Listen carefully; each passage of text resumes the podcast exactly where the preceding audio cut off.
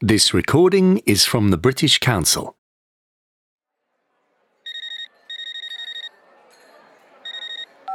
Hello, Geno's. Hi. Can I book a table for tomorrow night, please? How many people is it for? Four. And what time would you like? About eight. Eight thirty, maybe? Uh, let's see. Uh, we're pretty busy tomorrow, so I can do half past seven or nine. Oh.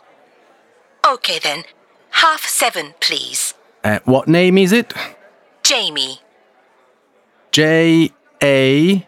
M. I. E. Okay, so that's a table for four at half past seven tomorrow evening. Great. Thanks. Bye. Bye.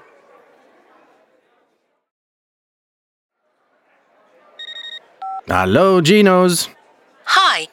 I called earlier to book a table for four, and I was wondering if I can make it for six instead. What name was it? It's Jamie. Table for four at half past seven. So you want to change it to six o'clock? No, sorry. Can I make it for six people? Oh, I see. Sorry. That shouldn't be a problem. I can move you to a bigger table, but it will be nearer the kitchen. Is that okay? No problem.